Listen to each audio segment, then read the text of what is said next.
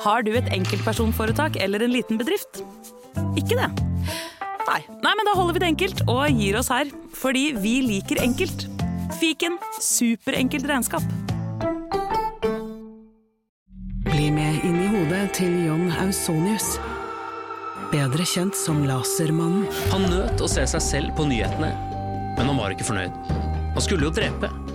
Det samme året skulle han skyte to mennesker til, før han omsider oppnådde målet om å drepe. Hør på innsiden av Psykohoder med Jonas Alf Oftebro og rettspsykolog Susanne Nordby Johansen. Gratis der du hører podkast.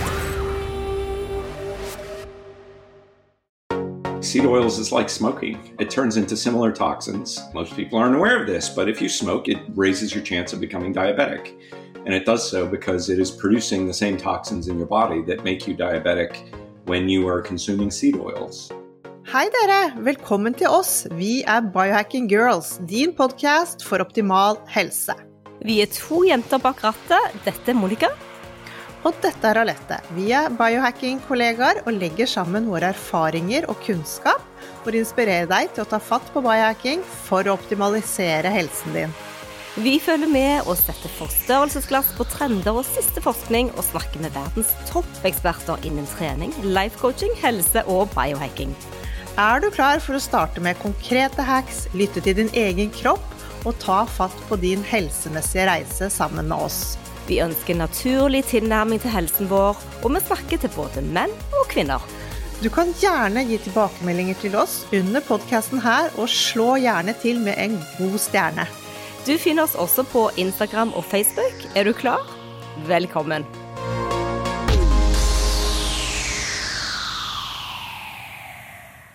Ja, dere har hørt oss snakke om disse planteoljene veldig mye. Det har vi vært on a mission på, både Monica og jeg, de siste årene, etter at vi lærte om hvor utrolig dårlig de er for helsen vår.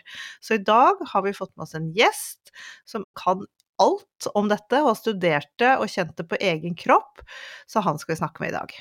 Ja, han heter Tucker Goodrich, og vi kan vel si det sånn at teorien vår og, og, følelsene våre etter vi har snakket med han, de har bare blitt enda mer forsterket, og vi vil jo råde dere alle som lytter til podkasten, å gå gjennom hele kjøkkenet og kaste alt som inneholder planteoljer. Ikke spis det, få det i søpla. Ikke kan gi det bort. Ingen fortjener å spise dette crappet av mat, hvis man kan kalle det mat i det hele tatt. Og vet du hva? Vi sitter igjen med en sånn, sånn sjokkert følelse og tenker på hvordan folk storrøykte på 60-tallet og 70-tallet. Og du husker den TV-serien Alette, The Madman, hvor de satt med vodkaglasset oppå den gravide magen og røykte og røykte med begge hender. Altså, hva er vegetabilske oljer? Det er rett og slett akkurat det samme.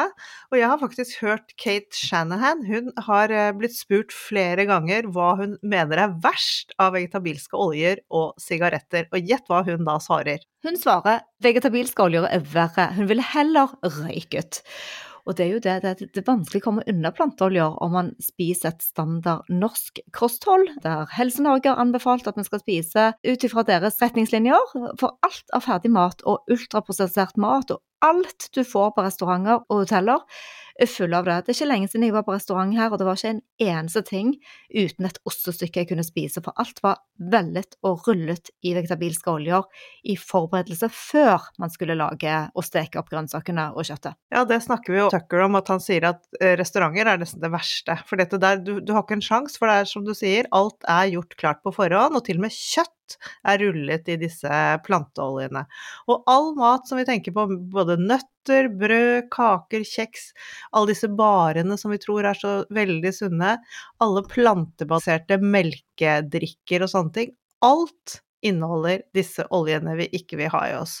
Og så er det også det at vi har fått så mye spørsmål, for alle tror dette at når de er eh, kaldpresset, denne rapsoljen som vi har liksom blitt messet om at er så sunn, når den er kaldpresset, da er det vel greit. Og det får vi ganske fine svar på. Ja, det var en del debunking her, Alette, som eh, jeg trodde òg at eh, man kunne liksom balansere det litt ut med god kilde omega-3.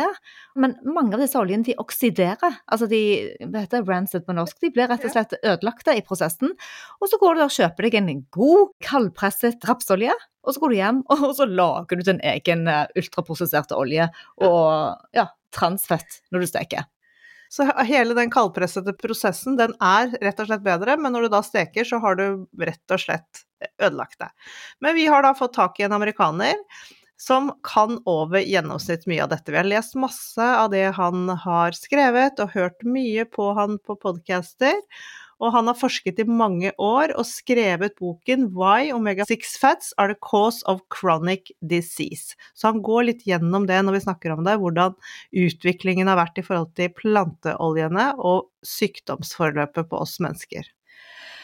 Og I denne episoden her så kommer vi ikke til å lage en norsk recap. Eh, vi skal ha flere eksperter med på vegetabilske oljer og de utrolige negative helseeffektene man får. Så derfor, sitt ned og ta litt notater, og kanskje lytte igjennom to ganger. Vi lager ikke en norsk recap på det, men prøv å få med deg de highlightsene han kommer med. Det er veldig mange gode poeng hele veien som Tucker eh, informerer om, og vi prøver å så godt vi kan fortelle litt om våre historier òg, f.eks. at vi ikke bruker solkrem lenger.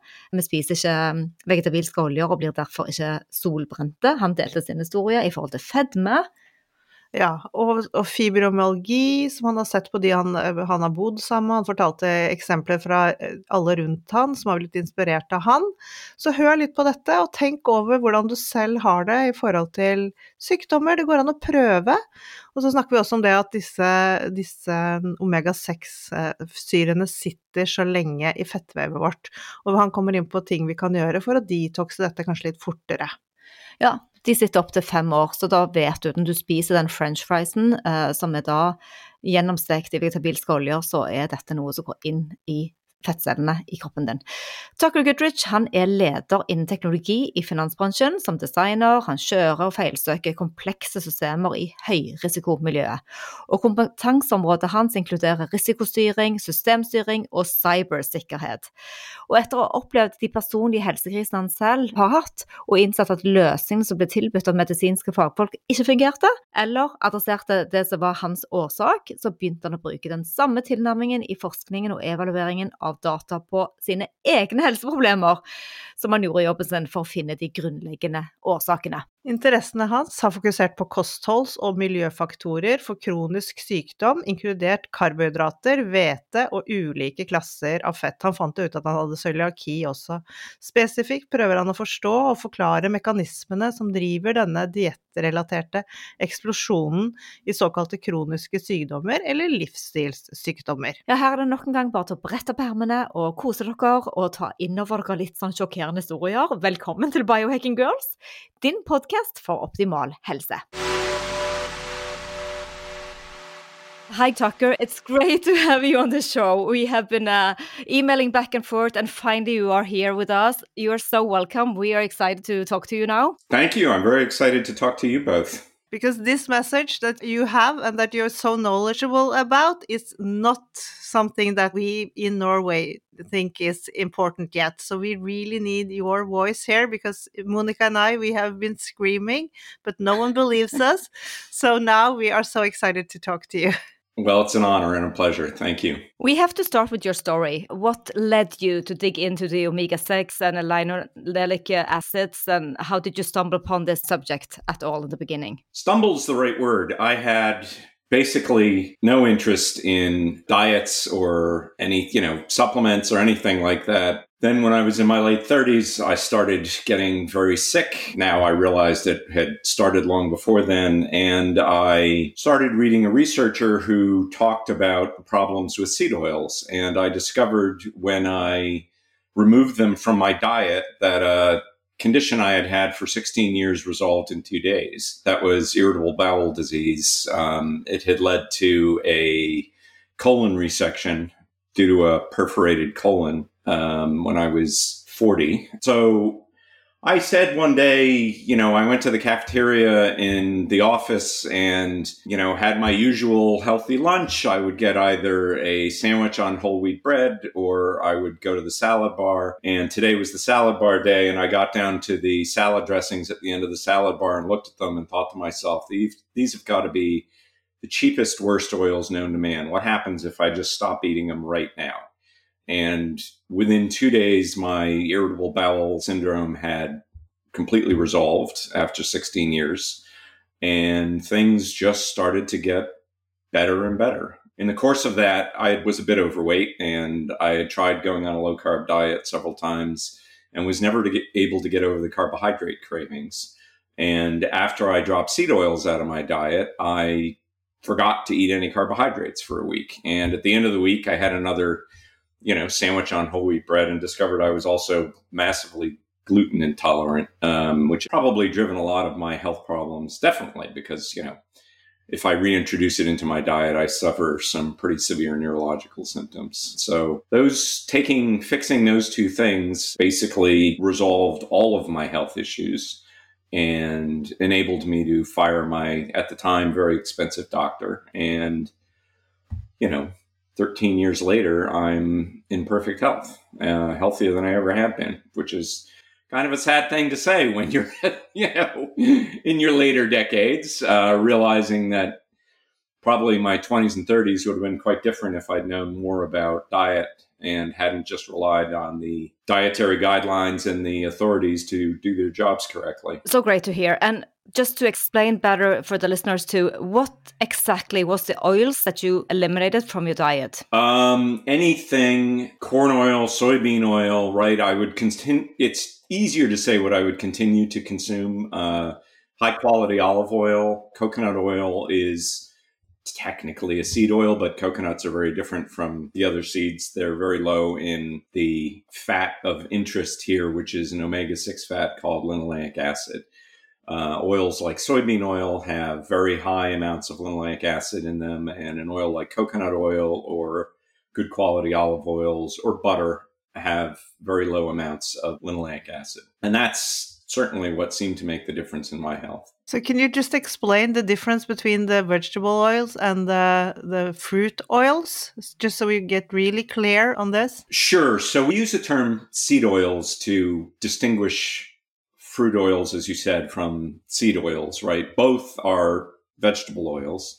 A fruit oil would be something like olive oil or avocado oil, where you are taking the outer fruit part, you know, the soft part of the fruit and not the hard seed. Cottonseed oil, soybean oil, corn oil are all made, obviously, you can tell from the name, by the seed of the plant. Fruit oils tend to have a better fatty acid balance than seed oils um, and are therefore healthier for you. What happened to your sugar cravings? Did that change in a way too when you stopped eating carbs and stopped e eating all these uh, oils? Yeah, well, as I said, I forgot to eat carbohydrates for a week. I just had no interest. And at the end, I hadn't planned on doing it. And at the end of the week, you know, Friday, I was like, oh, well, let's go downstairs and get something to eat. I guess I'll have a sandwich today. And, you know, so why would that happen? Well, it turns out that the linoleic acid in these seed oils is a very interesting little molecule. When you eat it, it stimulates food cravings. And the cravings that it stimulates are for carbohydrates and for sugar specifically, right? This is this process takes place through what's called the endocannabinoid system and is very similar to the effect that THC has on people, right? When people smoke marijuana, they're doing that so they can get THC, which is this psychoactive component of the marijuana plant. And that stimulates what lots of people have described as the munchies. Well, it turns out that linoleic acid also stimulates the munchies in people and in animals. And this is, you know, at one point we actually had a human approved drug to block this effect, and it blocks the effect very effectively in rodents. And if you put rodents on a high seed oil diet, they will reliably become obese unless you block this effect of the endocannabinoid system, in which case they're completely fine and significantly healthier. You know, we can get into why this drug was pulled from the market for humans, but it was considered to be a miracle drug when it first came out because not only did it cause people to lose weight, but it also had all sorts of beneficial effects on the cardiovascular system, on diabetes, um, you know, it was a miracle drug. Unfortunately, it did have some negative effects on people. I think it should have been kept on the market because it's been replaced largely with bariatric surgery, which is to sever the nerves between the gut and the brain that also control the endocannabinoids and signals. And unfortunately, bariatric surgery has very, you know, aside from only best case working about 80% of the time, there's very high suicide rate after people have bariatric surgery. Um, and that was why Rimonabant was pulled from the market because a couple of people tried to commit suicide. Rimonabant as a drug is far safer than bariatric surgery as an intervention for obesity. So, you know, my opinion and a lot of other people's opinion is that it was a huge mistake for that to be pulled from the market because the alternative is far worse. But uh, back to these seed oils, because we have really been trying to exclude them for our diet now, but then we have heard and read that these stay in your fat tissue for four to five years. Is it possible to detox completely from these seed oils? I think so. Amazingly, there's never actually been a study done that tracked that process in humans. My experience and the experience of a lot of people who fix their diet through the paleo diet movement, which is how I got into this whole thing, is that it takes five plus years to see all the benefits of fixing your diet. Um, in my specific case, a condition that I had had since I was a teenager came back and then resolved after seven years of being on this diet. So I was a little surprised when this condition called Osgood Schlatters came back when I was in my 40s and it was supposed to be long gone. And uh, this last symptom of it that I had had, which was this lump on my knee, went away after 20 odd years. It was pretty amazing. So, yeah. So the question is, what can you do so uh, the reason that it stays in your fat tissue for so long is that your fat tissue has turnover, right? When you eat fats, it gets stored in your body's fat tissue and then your body releases it over time, right? So if you stop eating fat tomorrow or stop eating anything tomorrow, that's obviously the fastest way to clear out your fat cells. Of course, there are significant negative effects of not eating anything for long periods of time, but we can do things hacks, if you want to call them, to promote the burning of fat and specifically the burning of linoleic acid out of your fat tissues. Um, things like endurance uh, exercise, intermittent fasting while you're exercising will promote your body to use stored fat instead of the fat that you're eating every day, right? Which is really what we want to do. I wouldn't suggest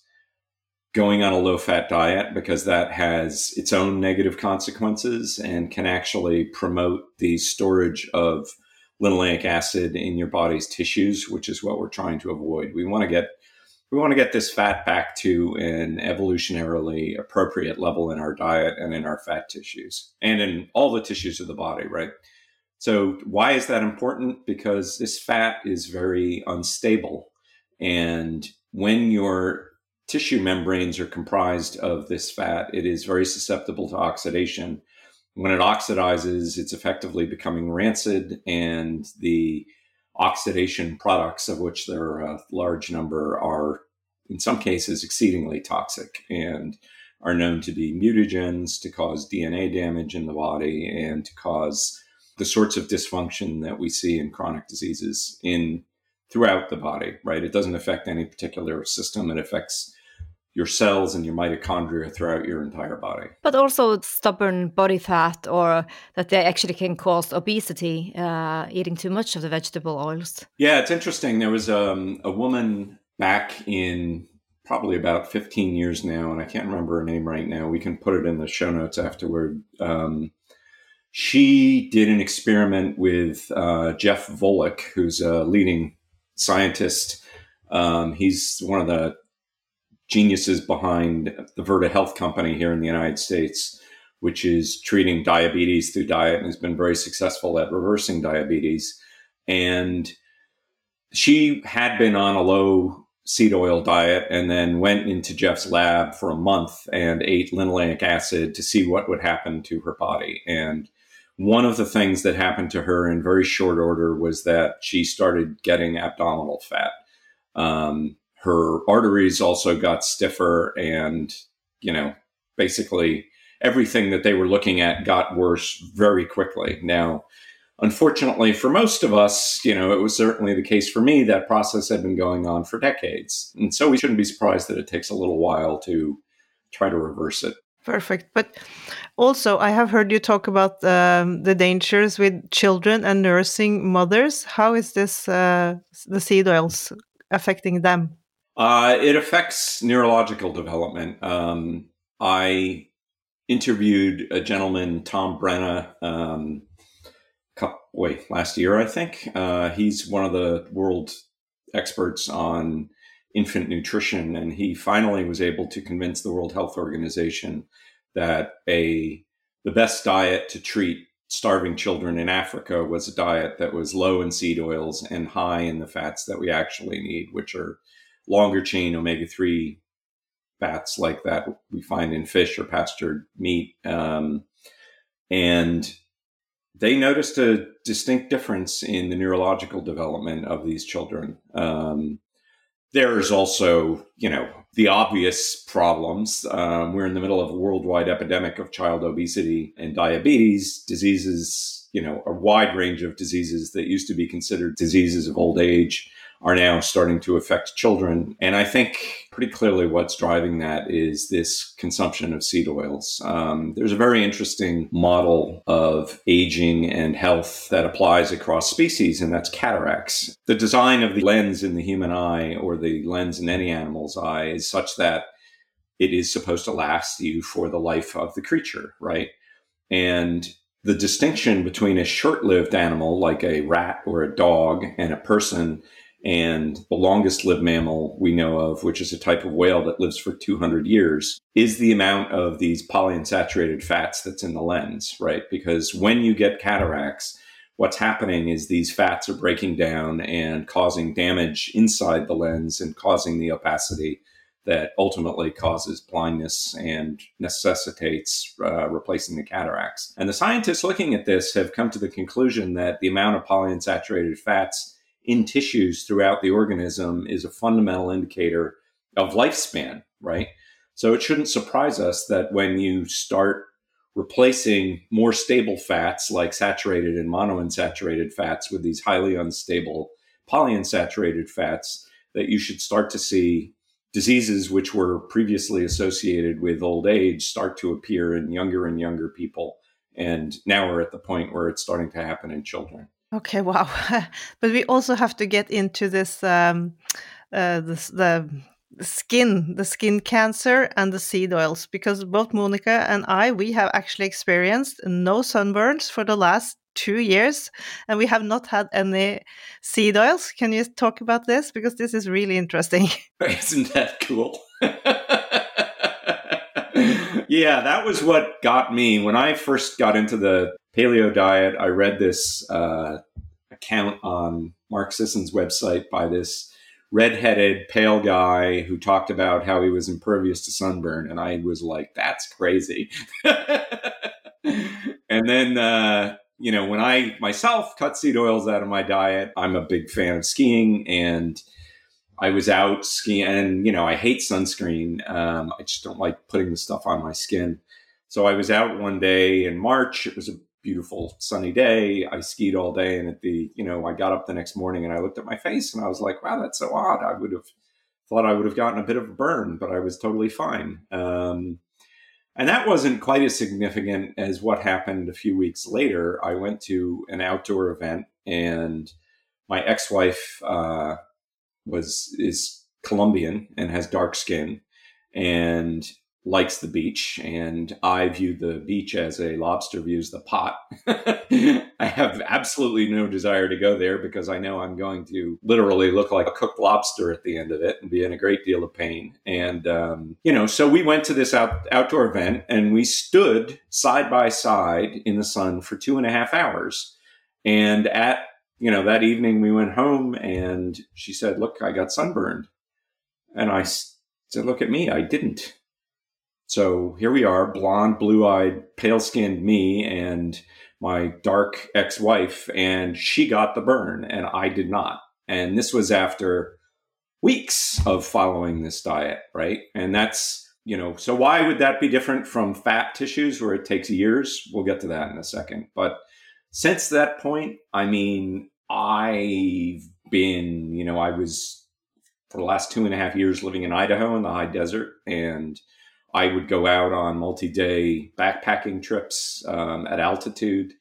And, you know, you're not impervious to the sun. If I'm out for seven or eight hours in the sun, I will turn red and I will get a bit of a burn. But what doesn't happen is I don't get the peeling and I don't get the pain. And, you know, my tolerance for sun has gone from 45 minutes an hour to get a burn up to an entire day.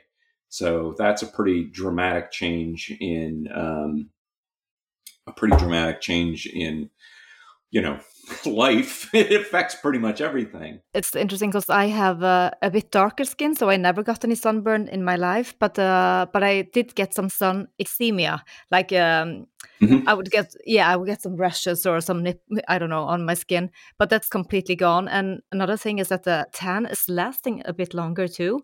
So uh, I don't get any sunspots or anything. So I think that's great. But could you get away with just a little bit of vegetable oils and still get the effect? Because usually people will not avoid it 100%. Well, so let me talk about my wife. My wife is has an autoimmune disease called fibromyalgia, and she you know got was diagnosed with that in her early 20s uh, she's my age so she's 55 now and when we got we actually went to high school together and we got together in 2019 and um, i told her it was kind of interesting but she asked me what i was eating. You know we were at a restaurant and i'm interrogating the poor waitress to figure out what i can eat. And she's like she's looking at me going you know you look great. I want to do what you're doing. So she asked me what to do and i told her you know cut seed oils out cut down on carbohydrates. And within weeks uh, she started feeling better. Her autoimmune disease went away after three decades. And if she goes out if she goes out and has a meal or two or three with vegetable oils in it it comes back. Um, i don't see my negative effect is i will have you know my bowel problems will start to come back but i'm not nearly as sensitive as she is. So i think you know that said once in a while we'll go out and we'll have french fries but it's a very very very rare treat like once or twice a year and I think that the less of it, you know, there's no benefit to eating these things, right? It's sort of like I once in a while like to smoke a cigar. you know, once every several years I will have a cigar and I think it's and it's a treat and it makes me feel horrible and, when I smoke it I remember why I don't smoke every day. Um, you know, so I think it's on the order of that kind of treat. It's probably, I would argue, if you're consuming a lot of it, it's probably a lot worse for your health than, say, being a regular drinker is. And there are actually similar mechanisms there. Um, we can get into that as well. But yeah, I think, you know, I want to make it clear though, linoleic acid is a perfectly normal part of the food supply and is in most you know, almost every whole food that you eat, even fish has an amount of linoleic acid in it. So the point isn't to totally avoid this, it's to avoid the concentrated sources of it, which is seed oils, foods that are created using seed, you know, using seed oils like French fries or something uh, like that, and animals that are fed high amounts of seed oils, which can include, you know, chicken, pigs, and salmon. Uh, unfortunately, farm salmon is fed seed oils. And it has you know there's a very interesting study that i believe was done in norway looking at the effect of seed oils on salmon in a salmon farm. And then they get obese just like we do. And then they feed the oil they ground up the salmon and fed it to mice and the mice got obese and sick in fairly short order. So you know we want to you know we want to set the system back to what we know is a known good state, and that does not include eating a lot of seed oils or a lot of animals fed seed oils. But can you also explain to us how these seed oils came about and how they're processed so that everyone knows how garbage it is? Sure. Yeah. Why do we eat seed oils? Well, mainly because they're cheap. Animal fats are what we've evolved to live on for the most part and some fats like you know olive oil that are somewhat similar to animal fats um, but they're expensive to produce and you know seed oils originally started I mean, in the United States, it started with cottonseed oil, which was an industrial waste product, right? When you make cotton, the cotton plant produces cotton seeds, and the fibers that are attached to the cotton seeds are what we make clothing out of. But at the end of that process, you wind up with a big pile of cotton seeds, which are very oily. And what do you do with them? Well, they figured out that they could feed them to animals and they noted that if they fed too much of them to animals, it killed the animals. So that was a problem. But they could add a certain amount to their feed. And then they figured out hey, if we can feed it to animals, but not too much without just make them a little bit sick instead of a lot sick, they started feeding it to humans. And originally, they did this dishonestly through adulterating lard. And there's an interesting, you know, back in the late 1800s, a gentleman decided to corner the American lard market, which meant he bought up all the lard producers. And God bless him, he was honest enough to say, We don't have enough lard in this country to make all the lard that we're eating. It turns out that 20% of the lard was actually cottonseed oil, which was added to the lard. And they wound up having big congressional hearings in the United States and in other countries like Canada and Italy, for instance, banned food imports from the United States for a while because of this adulteration problem. And so that's how we realized, lo and behold, we're eating all of this cottonseed oil. And they passed laws saying that this had to be disclosed. At the time, they didn't really understand the health problems. It wasn't until 1915 that they discovered exactly what it was in cottonseed oil that is toxic to humans and animals. And they're still selling this stuff, you know, over a 100 years later. The Chinese discovered that in certain areas of China where people eat a lot of cottonseed oil, that the men were sterile. And it turns out that the toxin in cottonseed oil causes permanent male sterility. So the Chinese were exploring this because, you know, at the time they were trying to reduce their population and they said, oh, well, if we feed men lots of cottonseed oil, maybe we can make them all sterile and then we can reduce our population. So stuff, you know, you can't really sounds like something out of a science fiction novel. It's pretty crazy. Yeah, so they've, you know, cottonseed oil's kind of been deprecated out of the food supply just because of its obvious toxicity, but we're still consuming other fats like soybean oil, which are known to be toxic to humans in larger amounts, largely again through the amount of linoleic acid that they contain. Uh, which is worst on the market now of the the existing seed oils? Well, cottonseed definitely because it has high amounts of linoleic acid and also this toxic fat called gossypol. But essentially, it's a factor of how much linoleic acid they have. So things like rice bran oil, which is, I think, probably the highest linoleic acid oil available. Um, and then olive oil is a fruit oil, but can contain anywhere from 2 to 20% linoleic acid.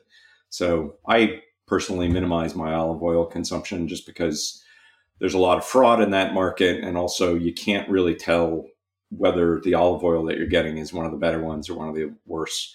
That said, I do use it for salad dressing once in a while. And my wife, who's become my canary in the coal mine, you know, doesn't have the negative effects from salad dressing made with good quality olive oil that she does when we go out to a restaurant and eat food that's been prepared in, in uh, seed oils. But that's true because all the oils, like even olive oil, like you say, they can go rancid and oxidize. So right. it's hard for the consumers to really find the best product. But when we think about like canola oil or soybean oil, we think that cold pressed canola oil might be okay. Is that better than the others or It's better. I mean, they did a study in Indian people with what they call non-alcoholic fatty liver disease and their base diet was safflower oil and then they did two interventions. Some of them got canola oil and some of them got olive oil. And those oils, you know, safflower has the most linoleic acid, canola has less, and olive oil typically has the least. And their condition improved to the extent that they reduced their linoleic acid. So the people who did the best, whose fatty liver disease was most improved, and who lost the most weight were the people on the olive oil diet. Um, the people on the canola diet were sort of didn't do quite as well. Problem with canola oil is canola oil contains another fat called alpha linolenic acid, which is an omega 3 fat. And it's one of the ones that we're told is beneficial. Okay, that's wonderful. So, what do people use canola oil for? They use it for frying. And when you fry with canola oil, the alpha linolenic acid turns into a chemical called 2,4 hexa, uh, hexadienal. I think that's it. I'll double check that. Um, this is a known carcinogen, a known human carcinogen. And the World Health Organization put out a paper years ago looking at the increase in, as I mentioned at the beginning of this, lung cancer in non smokers in China, non smoking women in China. Women do the cooking. So they get exposed to the fumes from canola oil. And in an animal model, you can give animals cancer quite quickly by taking this oxidized canola oil product and giving it to them. And in the United States, our governments looked at it and found it's a carcinogen. And they also found that linoleic acid turns into a similar chemical.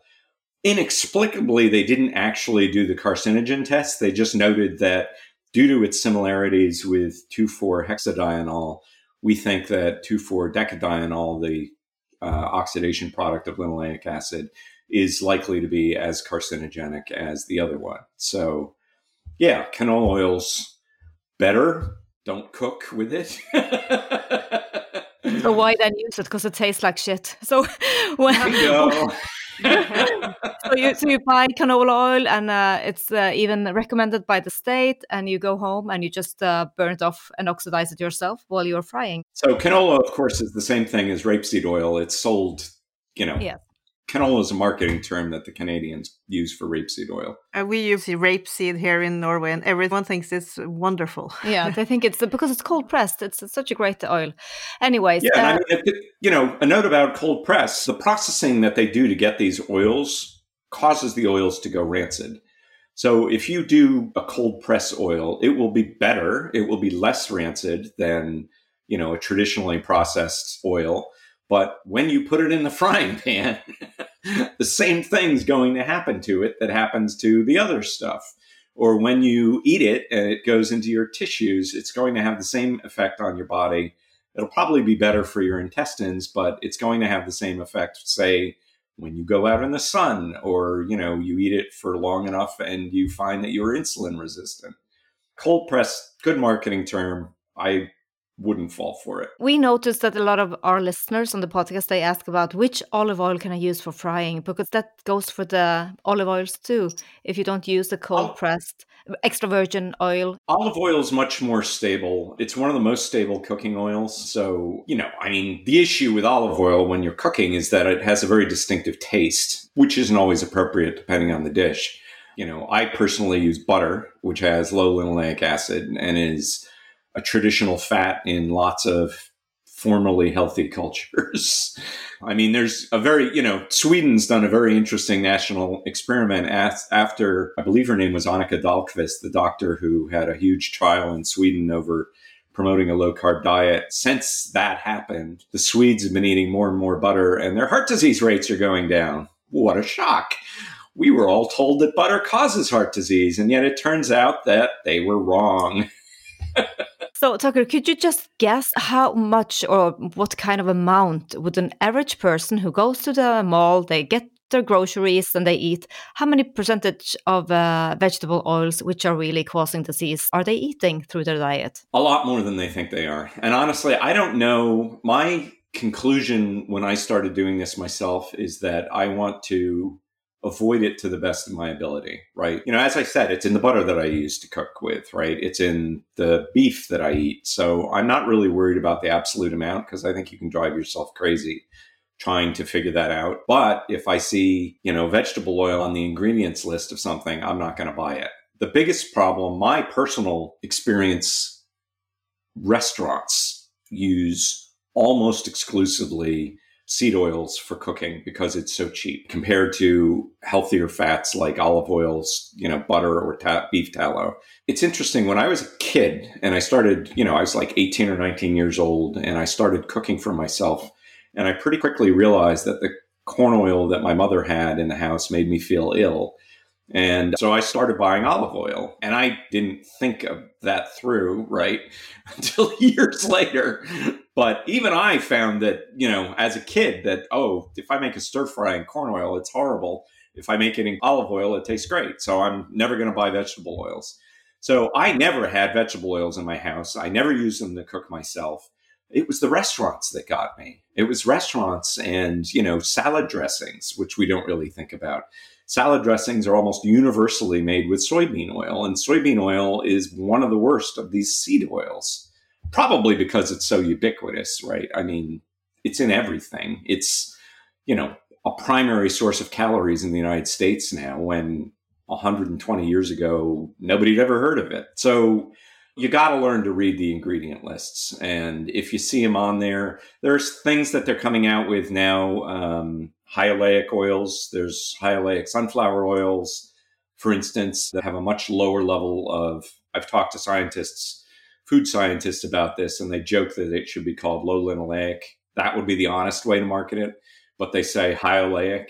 Anything that's high oleic means we know that linoleic acid is a problem, and we're trying to reduce it in the food supply, but we're not being straight with you about what we're doing.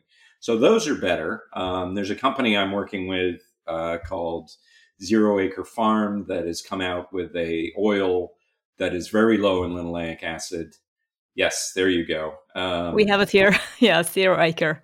We were going to ask you about that. yeah. Yeah. Okay. So, I mean, that's, you know, the whole selling point of that is that it's 2% linoleic acid, which is about the same as butter, but you can use it like a vegetable oil because it's liquid at room temperature. Um, I mean, I've, they say it has a nice taste. I've, you know, I, f- I find the most interesting thing about Zero Acres fat is how boring it is. right? If you're looking, it delivers what vegetable oils were supposed to do, right? Is a neutral, taste free, virtually taste free fat that you can use in things where you don't want it to be overwhelmed by, say, the taste of a uh, olive oil. Um, and I use it for that. It's it's delicious, but it's almost disappointing because you know if you fry your eggs in it you're not going to taste anything different right? I mean it's obviously if you're using it instead of butter you're not going to taste the butter but it's not going to affect the taste of the food that you're cooking it in. So yeah, we haven't got uh, zero acres to Norway uh, yet, but uh, you have a really good point with the restaurants because Aletta, we hardly go out to eat at restaurants anymore because they soak all the vegetables and uh, vegetable oils in advance. So they do all this preparation before. So when you come to a restaurant, there's not one thing you can eat which has not been soaked in vegetable oils. You know, for years when I was living in New York City and I would go out to eat, I avoided steak. And if I ate steak, it made me feel kind of queasy and ill. And I never really understood that it was because they put seed oils on the steaks before they put them on the grill. And of course, putting a unstable fat on an open fire causes it to oxidize and go rancid. Now that I know this, I love steak. I eat it all the time and it's the food that makes me feel the best, but it was, you know, it ruined God, I can't even think of how many meals I had where I went to a steakhouse and I was like, oh boy, here we go again. I'm going to feel horrible. You know, and I just, I didn't understand it. So, yeah, the restaurants are a big problem. Zero Acres, you know, the original idea behind Zero Acres was that it would not be a consumer product, it would be a better frying oil for restaurants. And they're now working with a fast food chain in the United States called Shake Shack is doing an experiment with using this fat instead of the seed oils. And, you know, folks need to understand that what Zero Acres is doing is not new. McDonald's, for instance, prompted by Cargill, who is one of the biggest producers of seed oils in the world, switched to high oleic fats years ago because they realized that the trans fats that they were using was harmful long before they were banned. And Cargill said, okay, this is the healthiest fat that we think, you know, it's not only healthy, but it lasts longer because it doesn't have linoleic acid in it. It's not going rancid as fast. So it's a more economic oil to use. But the simple fact is that economic benefit is why it has a health benefit, right? Because you're not seeing these oils go when they have low linoleic acid, they're not going rancid as quickly. And I mean, as I said, the oxidation products are quite toxic. and are the reason we think we're having, you know, epidemics of irritable bowel syndrome like I had. Because these things are poisons and they're poisoning your intestine and then it's going out into the rest of your body. Yeah, we are just getting sicker and sicker, and you have done so much research, uh, Tucker. Can you uh, kind of walk us through what happened to our species uh, compared to how much vegetable oils we have been eating over the years? Because I know you have some pointers there. Uh, that we got sicker the more vegetables oils we consume. Yes. Yeah, I did a talk a couple of years ago at the Ancestral Health Symposium in 2021, which is online if anybody wants to see that. But in a nutshell, we've had a number of nutrition transitions throughout human evolution, right? We came down from the trees and we started eating more tubers, and our teeth changed shape so that we could masticate these tubers, you know, while we were in Africa. And then we started eating more meat and we invented, we had teeth that are you know well suited for a vegetarian diet. So we started inventing stone cutting tools so that we could cut up meat which is very hard to chew when it's raw. Uh, then we invented cooking because that's a way of making meat even more chewable. I mean if you ever try eating raw meat and i don't recommend you know like a steak a raw steak they're very chewy right? That's why we tenderize it because our teeth aren't up for the job like you know compared to say a dog's teeth who were designed to cut meat into pieces. Then we started running out. So eating lots of meat had two major changes. It caused us to develop legs that are suited for running long distances. And it caused us to develop large brains, which are really good for tracking down animals when you're not very fast, because humans are one of the slower predators on the planet.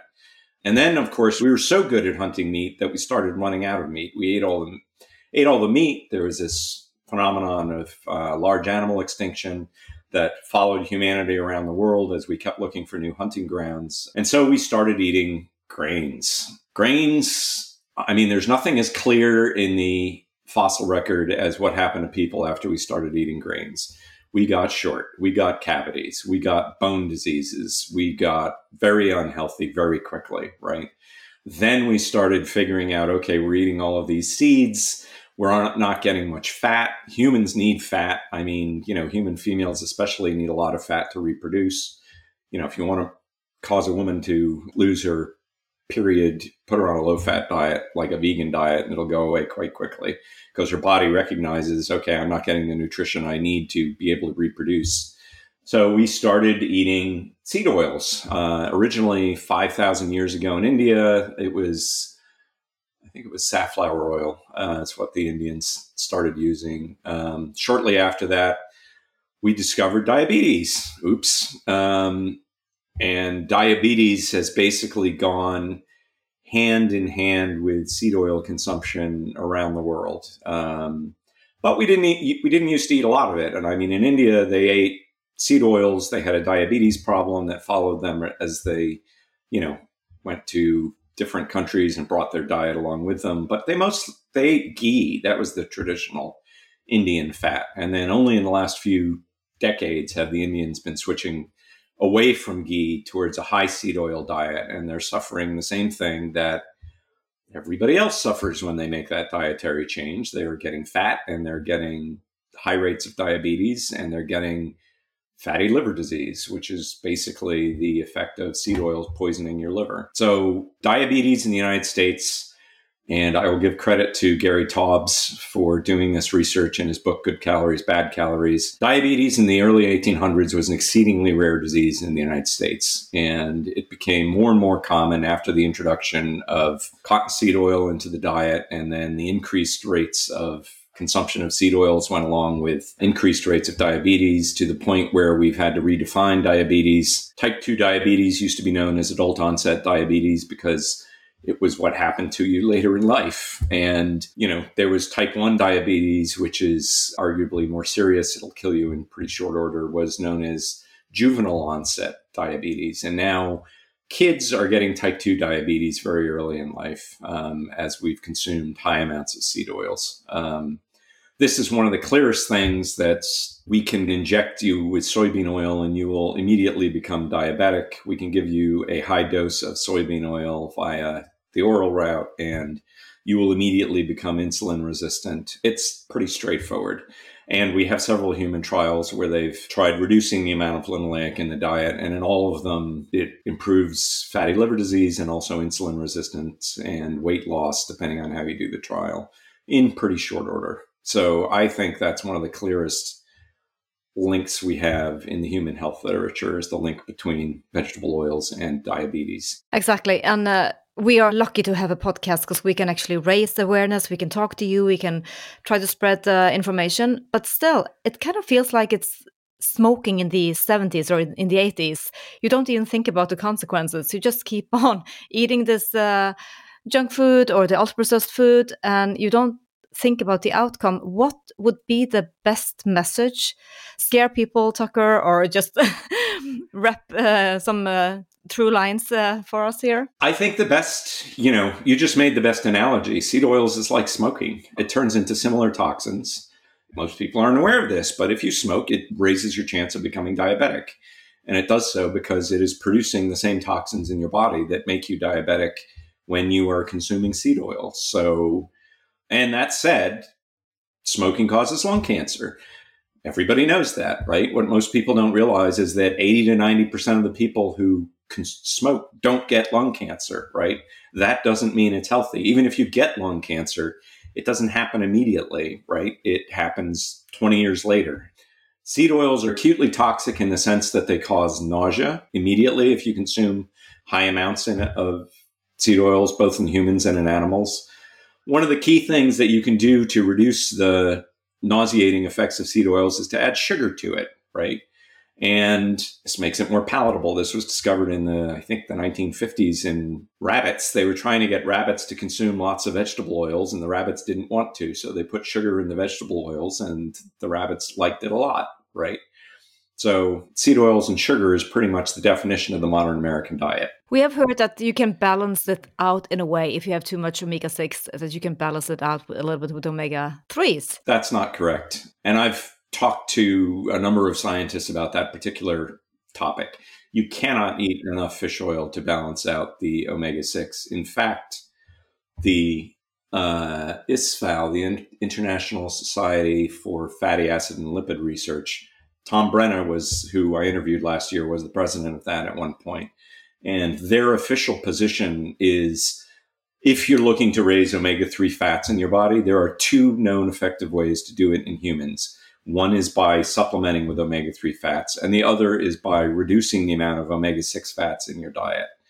Because there seems to be a way where when omega 6 fats go rancid in your body, they cause the omega 3 fats also to go rancid in your body. So it reduces the levels of omega 3 fats. You can't take enough omega 3 fats. And the best example for that is the Japanese. The Japanese have a high fish diet, right? And they're much healthier than Americans are, right? They do eat seed oils. My daughter lives in Japan. She's been there for six years. Very funny story. You know, here in America, we have what we call the freshman 15 or the freshman 40, which is when kids go to college, they gain 15 or 40 pounds, depending, I guess, on how unlucky they are. In Japan, they also have the freshman 15. And what is that?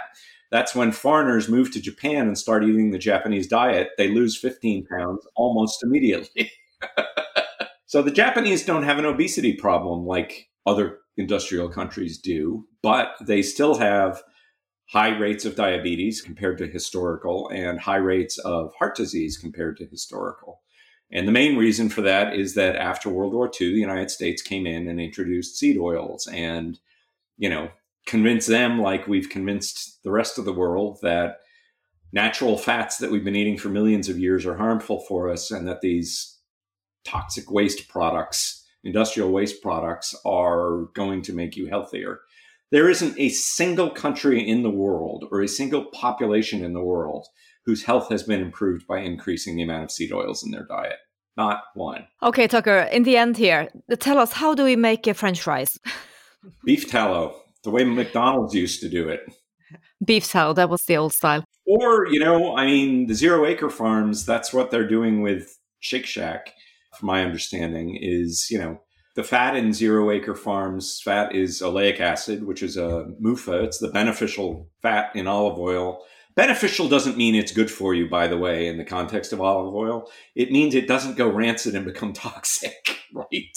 So it's beneficial because it's not garbage. So use something like that. Or, I mean, you know, do what McDonald's did use a high oleic fat with low linoleic acid, as low as you can find, right? But definitely, you know, beef tallow, super low levels of linoleic acid. That's what McDonald's used to use back when they sold little teeny envelopes, right?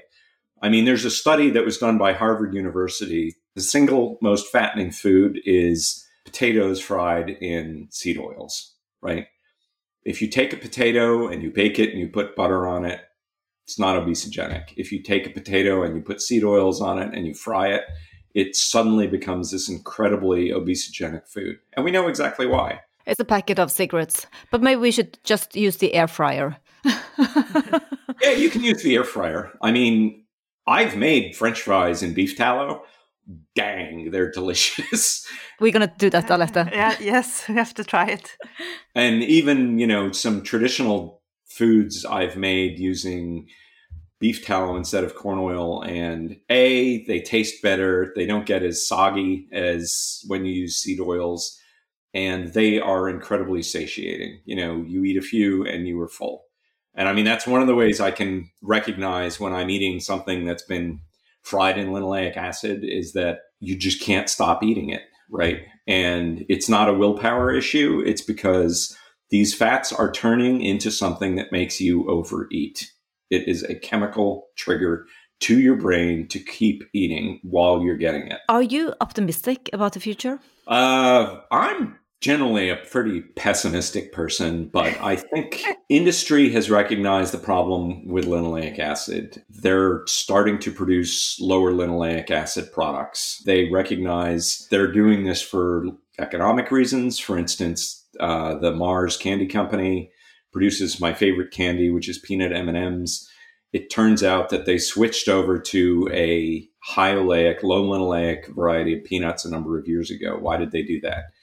They did it because the shelf life is 10 times as long when they're using these low linoleic peanuts because they don't go rancid as quickly, right? But that means they've just made that food much healthier because it's also not going to go rancid when you eat it, right? So one of my favorite treats is back on the menu because of what Mars has done.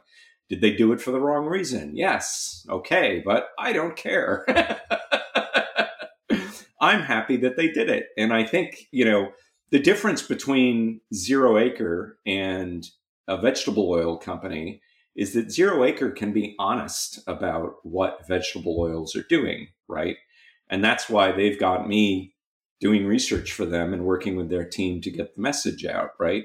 If you're Cargill and you're selling billions and billions of dollars worth of vegetable oils, you can't say that these things are equivalent to cigarettes right?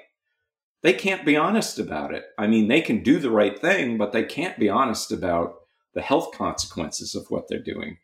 Um, and I mean, if you go through the literature, you know, the oil industry has an extensive literature looking at the harms of oxidized linoleic acid in foods. They know, they absolutely know what the problems are. Wow, this was... is uh, this is this has been a lot to digest, and we look forward to sharing uh, all your thoughts and all your knowledge with our listeners. It's been such an honor to have you on our, our show.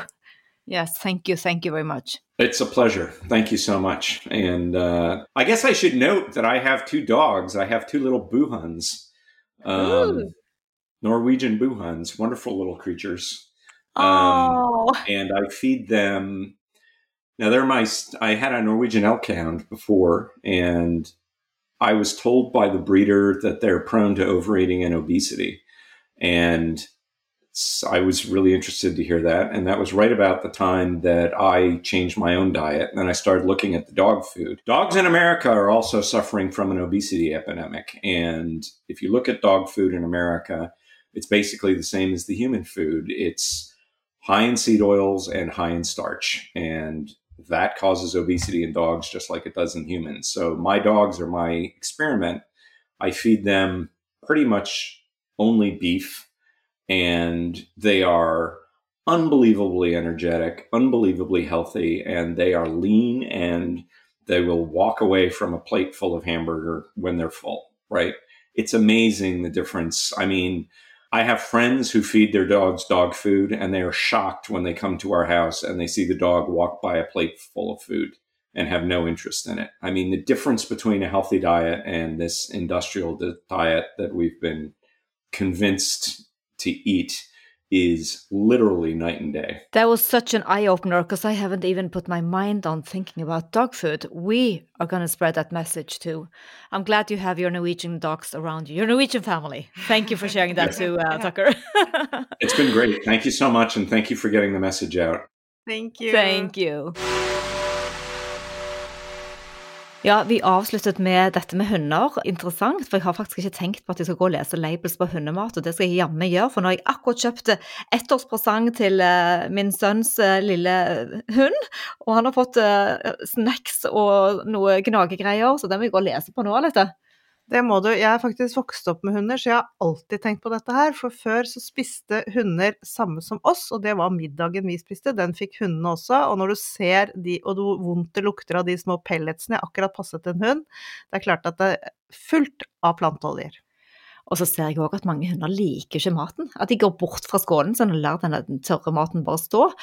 Men uh, det var mye informasjon i dagens podkast. Tucker kan mye om temaet, og vi kan vel konkludere med at vi ikke kommer til å introdusere disse oljene igjen. Det er ikke verdt risikoen.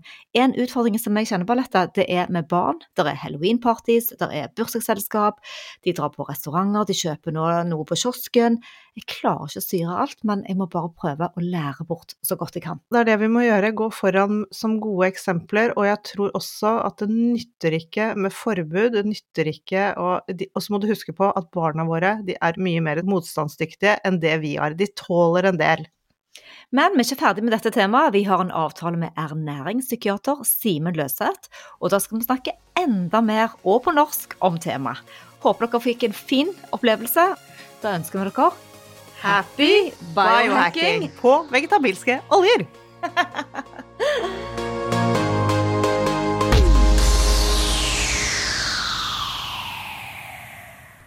Vi minner om at dere må snakke med egen lege eller kostholdsveileder om dietter og andre spørsmål relatert til medisiner og supplementer. Informasjon vi deler, kan ikke bli brukt til å diagnostisere, behandle, forebygge eller kurere noen sykdommer eller tilstander.